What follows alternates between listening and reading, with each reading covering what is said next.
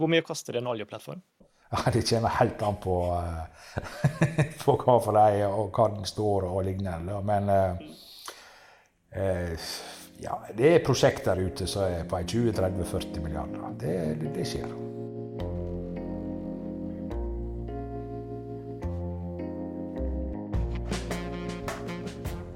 Da koronapandemien kom til Norge i fjor, vedtok Stortinget den såkalte oljepakken. Den vil forlenge oljealderen på norsk sokkel og ser ut til å skape rekordhøy aktivitet og inntjening for staten. Holder oljeprisen seg noenlunde stabil, er vi snart tilbake på rekordnivået fra det tidlige 2000-tallet. Skal oljeeventyret aldri ta slutt? Du hører på Dag og Tids ukentlige podkast, der vi nærmere undersøker en av avisas saker. I denne episoden skal jeg snakke med Dag og Tid-journalist Jon Hustad om artikkelen hans 'Stadig auka oljeinvesteringer, stadig mer grunnrente'. Da vi gjorde markedsundersøkelse for denne podkasten her, så spurte vi abonnentene våre hva slags podkastepisoder de kunne tenke seg å, å, lytte til. Og det som de fleste av dem svarte, var at de hadde lyst til å høre Jon Hustad snakke om økonomi. så eh, nå gjør vi noe som, som mange har ventet på. Syns du at vi vet for lite om olje og økonomi? Ja, jeg gjør det. Og generelt sett så er ikke nordmenn så interessert i samfunnsøkonomi. Men det tror jeg igjen er sammenheng med, med oljen og oljefondet. Nordmenn flest bare regner med at ting skal ordne seg. Og Derfor så orker de heller ikke så ofte å sette seg inn i hvordan norsk økonomi fungerer. Fordi de vet at det er et stort oljefond der ute. Og da regner de med at pensjonene skal være i orden, og at staten skal bevilge penger osv. Så, så den politiske og økonomiske debatten i Norge er jo annerledes enn andre land. fordi i andre land så merker jo de mye bedre det være seg finanskrise eller covid-19 eller når sånne ting skjer. Det er jo sånn at Når du er redd for noe, så setter du det gjerne inn i det. Men hvis du ikke er redd for noe, så lar du det være humla suse, som det heter. I artikkelen du skrev i Dag og Tid 19.2, forklarer du hvordan oljeøkonomien fungerer, og hvordan den har endret seg etter at oljepakken kom i fjor. Hvorfor er det viktig for oss å vite? Fordi oljen er suverent den største inntektskilden vi har. Og nesten alt av pengene fra oljen, nesten alt av overskuddet, havner i, først i oljefondet, og så seinere inne på statsbudsjettet. Helt grunnleggende, um, hva mener du at folk bør vite om olje og penger? De trenger jo ikke vite så mye mer enn at uh, norsk olje er lønnsomt fra ca. 21-22 dollar per fat. Når oljeprisen er høyere enn det, så, så tikker den og går der ute. Men hvis den er lavere, da har vi et problem. Men grunnen til at vi har fått oljefondet, er jo at det skal være en forsikring mot uh, dårlige dager. Det heter på pent diversifisering, altså at vi sprer risiko. I stedet for at vi lever direkte av oljen, så kjøper vi aksjer i utlandet, og så får vi amerikanerne til å jobbe for oss. Alt som eh, produsentene av eh, Apple lager, der får vi en liten del av det. Og Det betyr igjen at vi trenger færre industriarbeidere i Norge, fordi vi får industriarbeidere fra andre land til å jobbe for oss, og så får vi det som Marx kaller merverdien, en del av merverdien. Så for hvert fat olje som kommer opp av Nordsjøen, veldig enkelt sagt, så får vi flere sykepleiere og færre arbeidere i smelteindustrien på Odda. Du skriver at oljenæring er en litt vanskelig næring. Den er spesiell. Hvordan er den vanskelig? Jo, der er staten og vi bør tenke såkalt samfunnsøkonomisk lønnsomhet. Og det gjør vi i alle veiprosjekter. For å si sånn, Hvis et veiprosjekt ikke er lønnsomt, så skal staten egentlig ikke investere i det. Nå gjør staten det likevel, da, men alle store utgiftsposter over statsbudsjettet skal det lages et samfunnsøkonomisk regnskap for. Og til vanlig, i fall var det, og sånn er det i oljenæringa, så sier staten at eh, den vil investere i ting som gir 7% profitt i året. Men det er ikke oljenæringa interessert i. Oljenæringa for tida vil ha mellom 15 og 20% profitt. Litt enkelt sagt, investerer de for 1 million, så vil de tjene 150 000-200 000 hvert år på dette. Grunnen til at de vil ha så høy profitt, er jo at de vet at de lever med veldig høy risiko, disse oljeselskapene. Derfor er de paradoksalt nok såkalt risikoaverse. For det at de, ja, vi vet at vi tjener penger fra 21 dollar, men tenk om oljeprisen ramler til 10 dollar og blir stående der veldig lenge.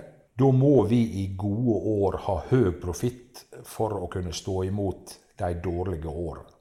Fordi oljenæringa, oljeselskapene, investerer for mye, mye mer enn andre selskap når de først investerer. Det koster kolossalt med penger å bygge skikkelige oljeplattformer ute i Nordsjøen. F.eks. et selskap som Statoil alene kjøpte inn varer og tjenester for 113 milliarder. Sykehussektoren i Norge kjøper inn varer for 23 milliarder i året. Så det er en, en bransje som er preget av veldig store investeringer, veldig høy risiko.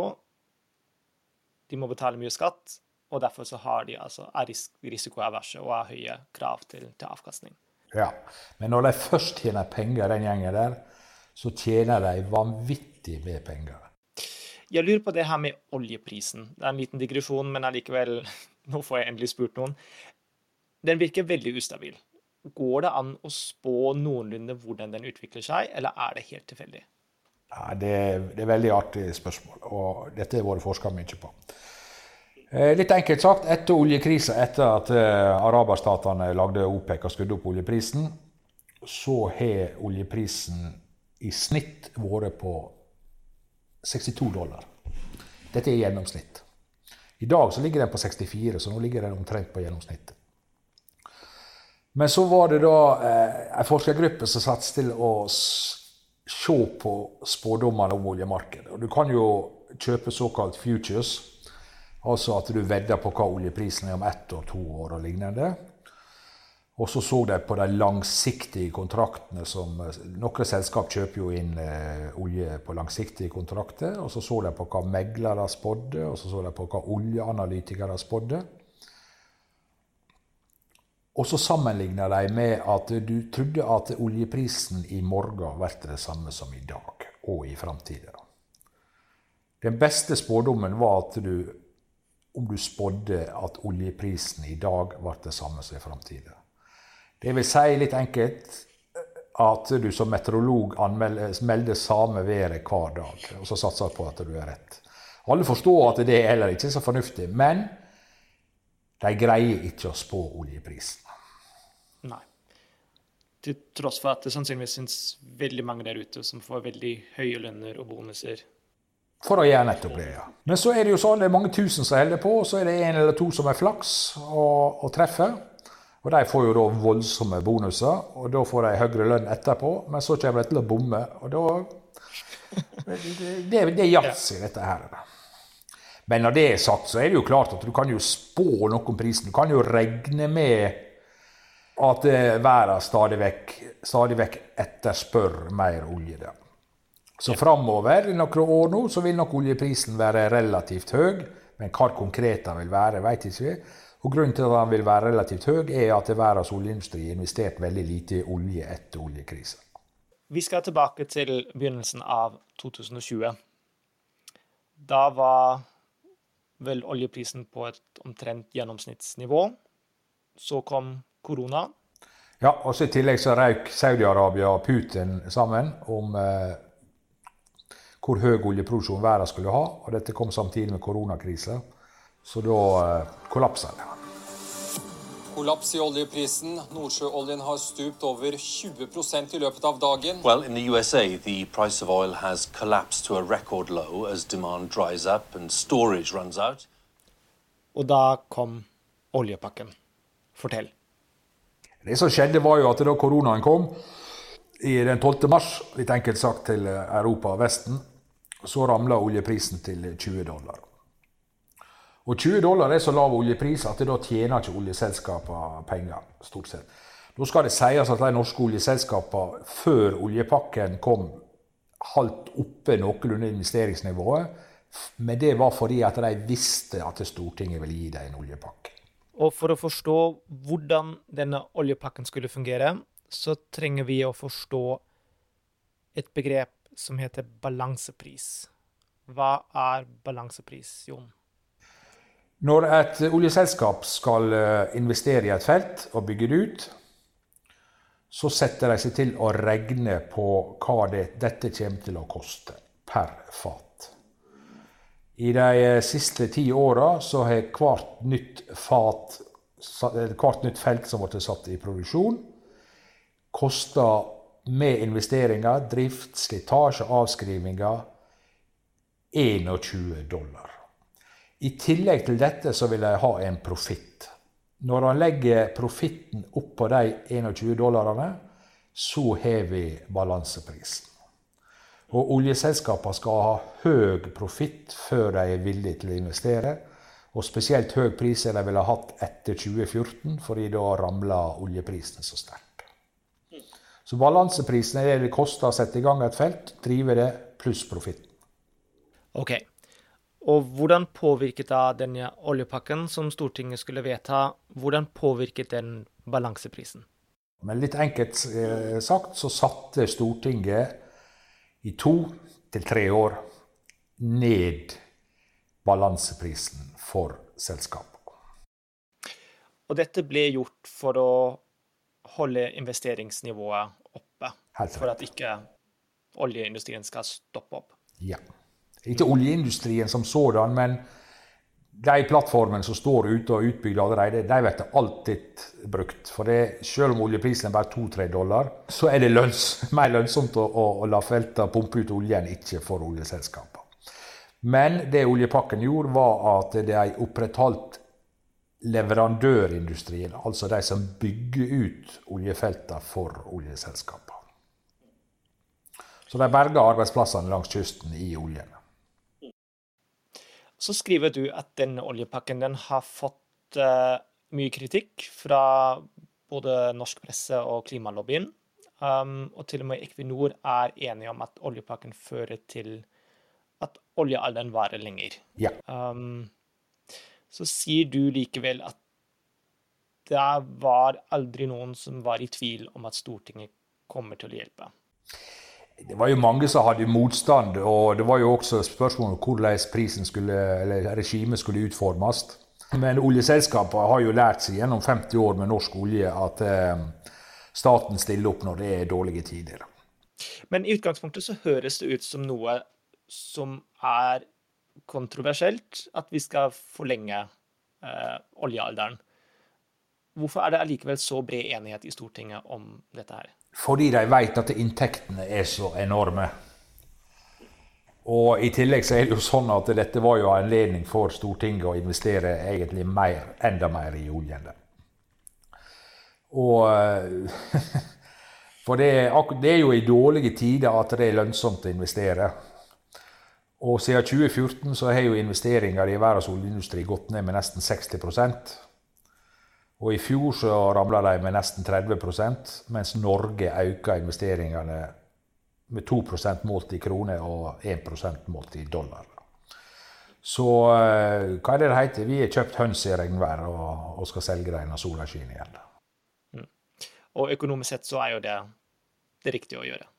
Ja, under forutsetning av at oljeprisen holder seg over ja, At han bør, han bør ligge på iallfall i snitt 25 dollar. Da, da tjener vi penger. Nå har det jo vært mye snakk om bærekraft, elektrifisering av norsk sokkel, utfasing av oljealderen. Er det litt tabu å si at vi faktisk trenger pengene fra oljen? Og har egentlig noe endret seg de siste ti årene, bortsett fra retorikken? Eh, det som endrer seg, er jo at vi er blitt enda mer oljeavhengige. da. Det er ingen vilje blant norske politikere til å kutte i pengebruken. Vi er i den unike situasjonen i Norge at det er ikke et eneste parti i, eh, på Stortinget som reduserer de offentlige utgiftene. I alle andre land så er det jo parti som, som vil skjære i statsutgiftene og redusere skattene og ene med det andre. Men oljefondet har gjort at de norske partiene forstår at de de er ikke veldig lure hvis de går med på å, å kutte i offentlige utgifter.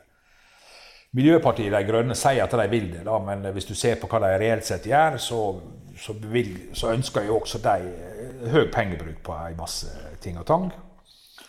Og så er det jo sånn som Rødt og MDG og delvis SV vil jo ha sekstimersdag. Og ja, det, det, blir vanskelig uten, uh, uten oljepenger for å reise alle. Så ja, eh, både det norske folk og norske politikere er jo utkjente. Men politikerne for det store partiet er jo såpass ja, hva man skal si, da, kyniske, realistiske, eller ja, i den gata at de forstår at de er avhengige av oljepengene. Jeg husker da jeg begynte å lære meg norsk i Berlin for 20 år siden. Da hadde jeg en lærebok um, hvor det sto om det norske oljeeventyret. Og Der sto det at det nå snart er slutt, og at Norge skal tjene penger på andre måter. Det er 20 år siden, og i artikkelen din så skriver du at vi er egentlig på rekordnivå um, som vi var sist på, ja, på 2000-tallet. Ja, I 2025 så kommer vi til å produsere ca. 2 millioner fat hver dag. Og det var sånn som det var på begynnelsen for 20 år siden. Hvor lenge kommer det her til å være? Hva tror du? Ja, Det er jo et veldig godt spørsmål. Men da Finansdepartementet lagde en spådom i uh, i 1988 så, så spådde de at i dagens nivå skulle være på en fjerdedel av det det er. da. Og Lignende spådommer har Finansdepartementet alltid kommet i de såkalte perspektivmeldingene. Men det er jo egentlig bare at de flytter kurva litt til høyre. Da. Hver gang så flytter du kurva litt til høyre, og så er det en brå nedgang. Men den har jo ikke manifestert seg gjennom disse 50 åra så er det jo Ja, en eller annen gang er det slutt, da. Men eh, småfuglene veit når uh, det skjer. Men det er jo slik det er gamle forslitte uttrykket om at steinalderen tok ikke slutt eh, pga. mangel på stein. da. Og oljealderen vil ikke ta slutt pga. mangel på olje, men fordi vi har funnet andre energikilder som er billigere og bedre. Det har vært mye snakk om elektrifiseringen av norsk sokkel. Um, du kaller det for malurt i begeret. Hvorfor er den det? Norsk oljenæring og Olje- og energidepartementet er pålagt å ikke investere i samfunnsøkonomisk ulønnsomme prosjekt på sokkelen. Det første og det viktigste er at oljeselskapene overfor Olje- og energidepartementet greier å dokumentere at et prosjekt er samfunnsøkonomisk lønnsomt. Da blir det såkalt sanksjonert. Da blir det godtatt. Men elektrifiseringa er jo ikke i de aller fleste tilfeller ikke samfunnsøkonomisk lønnsom. Men oljeselskapene får lov til dette, og det er jo delvis også ønsket fra Olje- og energidepartementet og Stortinget at de elektrifiserer. Men elektrifiseringa er jo egentlig ikke noe annet enn et forsøk på å legitimere oljenæringa. Fordi når de elektrifiserer, så slipper de å brenne gass. Uh, og denne gassen som oljenæringa brenner ute på sokkelen, den kommer i det norske klimaregnskapet.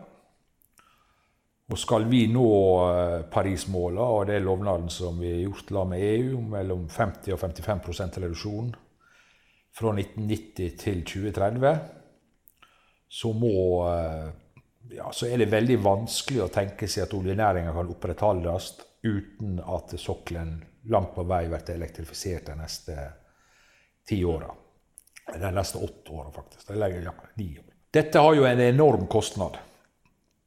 Og fordi det ikke er noen hva jeg skal si, profitt å snakke om i elektrifiseringa, så havner jo denne kostnaden på norske skattebetalere. For de finansierer jo 90-92% av alle investeringer på sokkelen gjennom skattesystemet.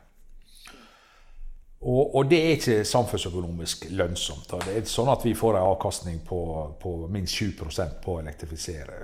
Vi går nok med tap. Da. Denne oljepakken har gjort at det blir billigere for Equinor og de andre selskapene å elektrifisere, fordi da betaler vi mer avregninger. For å oppsummere denne her oljepakken. Um, syns du det var en lur ting å gjøre? Jeg skal ikke være så normativ, da. Eh,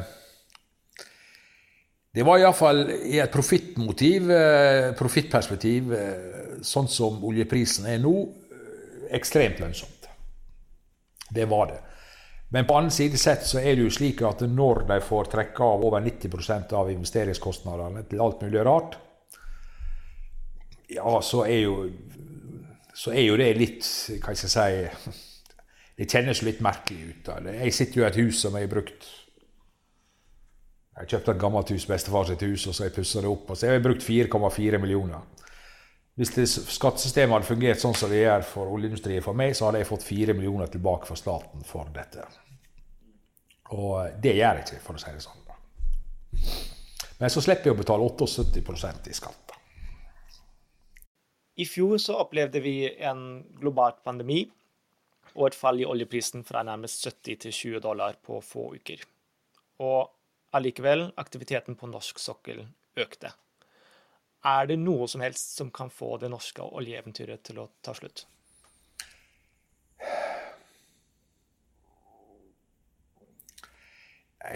Det vitner jo oljepakken om. Da. Det var jo Norsk politikk, Kløfta i norsk politikk går rett gjennom eh, Arbeiderpartiet. Det er mange det er relativt mange velutdanna unge som stemmer på Arbeiderpartiet, som er relativt radikale. Det er nokså mange kvinner i offentlig sektor som eh, er bekymra for, eh, for klima og tenker på framtida. De hadde ikke sjans. De tapte så det sang internt i Arbeiderpartiet. Fagforeningene på Vestlandet var ufattelig mye sterkere enn de. Og det var slik at Arbeiderpartiet egentlig ville gi oljenæringen enda bedre oljepakke enn det som ble sluttresultatet. Så eh, grunnen til at Arbeiderpartiet hva skal jeg si, overlever, er jo at eh, de greier å ha banda til eh, fagforeningene. Men samtidig så er det jo sånn at hvis de skal uh, Hvis de skal, opprettholde de bandene til Fellesforbundet og uh, menn i privat sektor, og spesielt oljesektoren, så må de gå med på sånne oljepakker. Så oljepakken var, det var historisk i den forstand at uh, det var det var den gangen du kanskje kunne fått redusert oljeaktiviteten, og svaret ble at det var ikke aktuelt i hele tatt. Jon Hustad, tusen takk for samtalen. Takk for at jeg fikk være med. Du hørte på Dag og Tid-podkasten. I studio var jeg, Gregor Falkner. Vi brukte lyd fra NRK og BBC. Har du noen tanker om det norske oljeeventyret? Eller har du tilbakemeldinger på podkasten vår? Uansett vil vi gjerne høre fra deg. Skriv en e-post til gregor.dagogtid.no. Vi er tilbake neste uke. Takk for at du lyttet.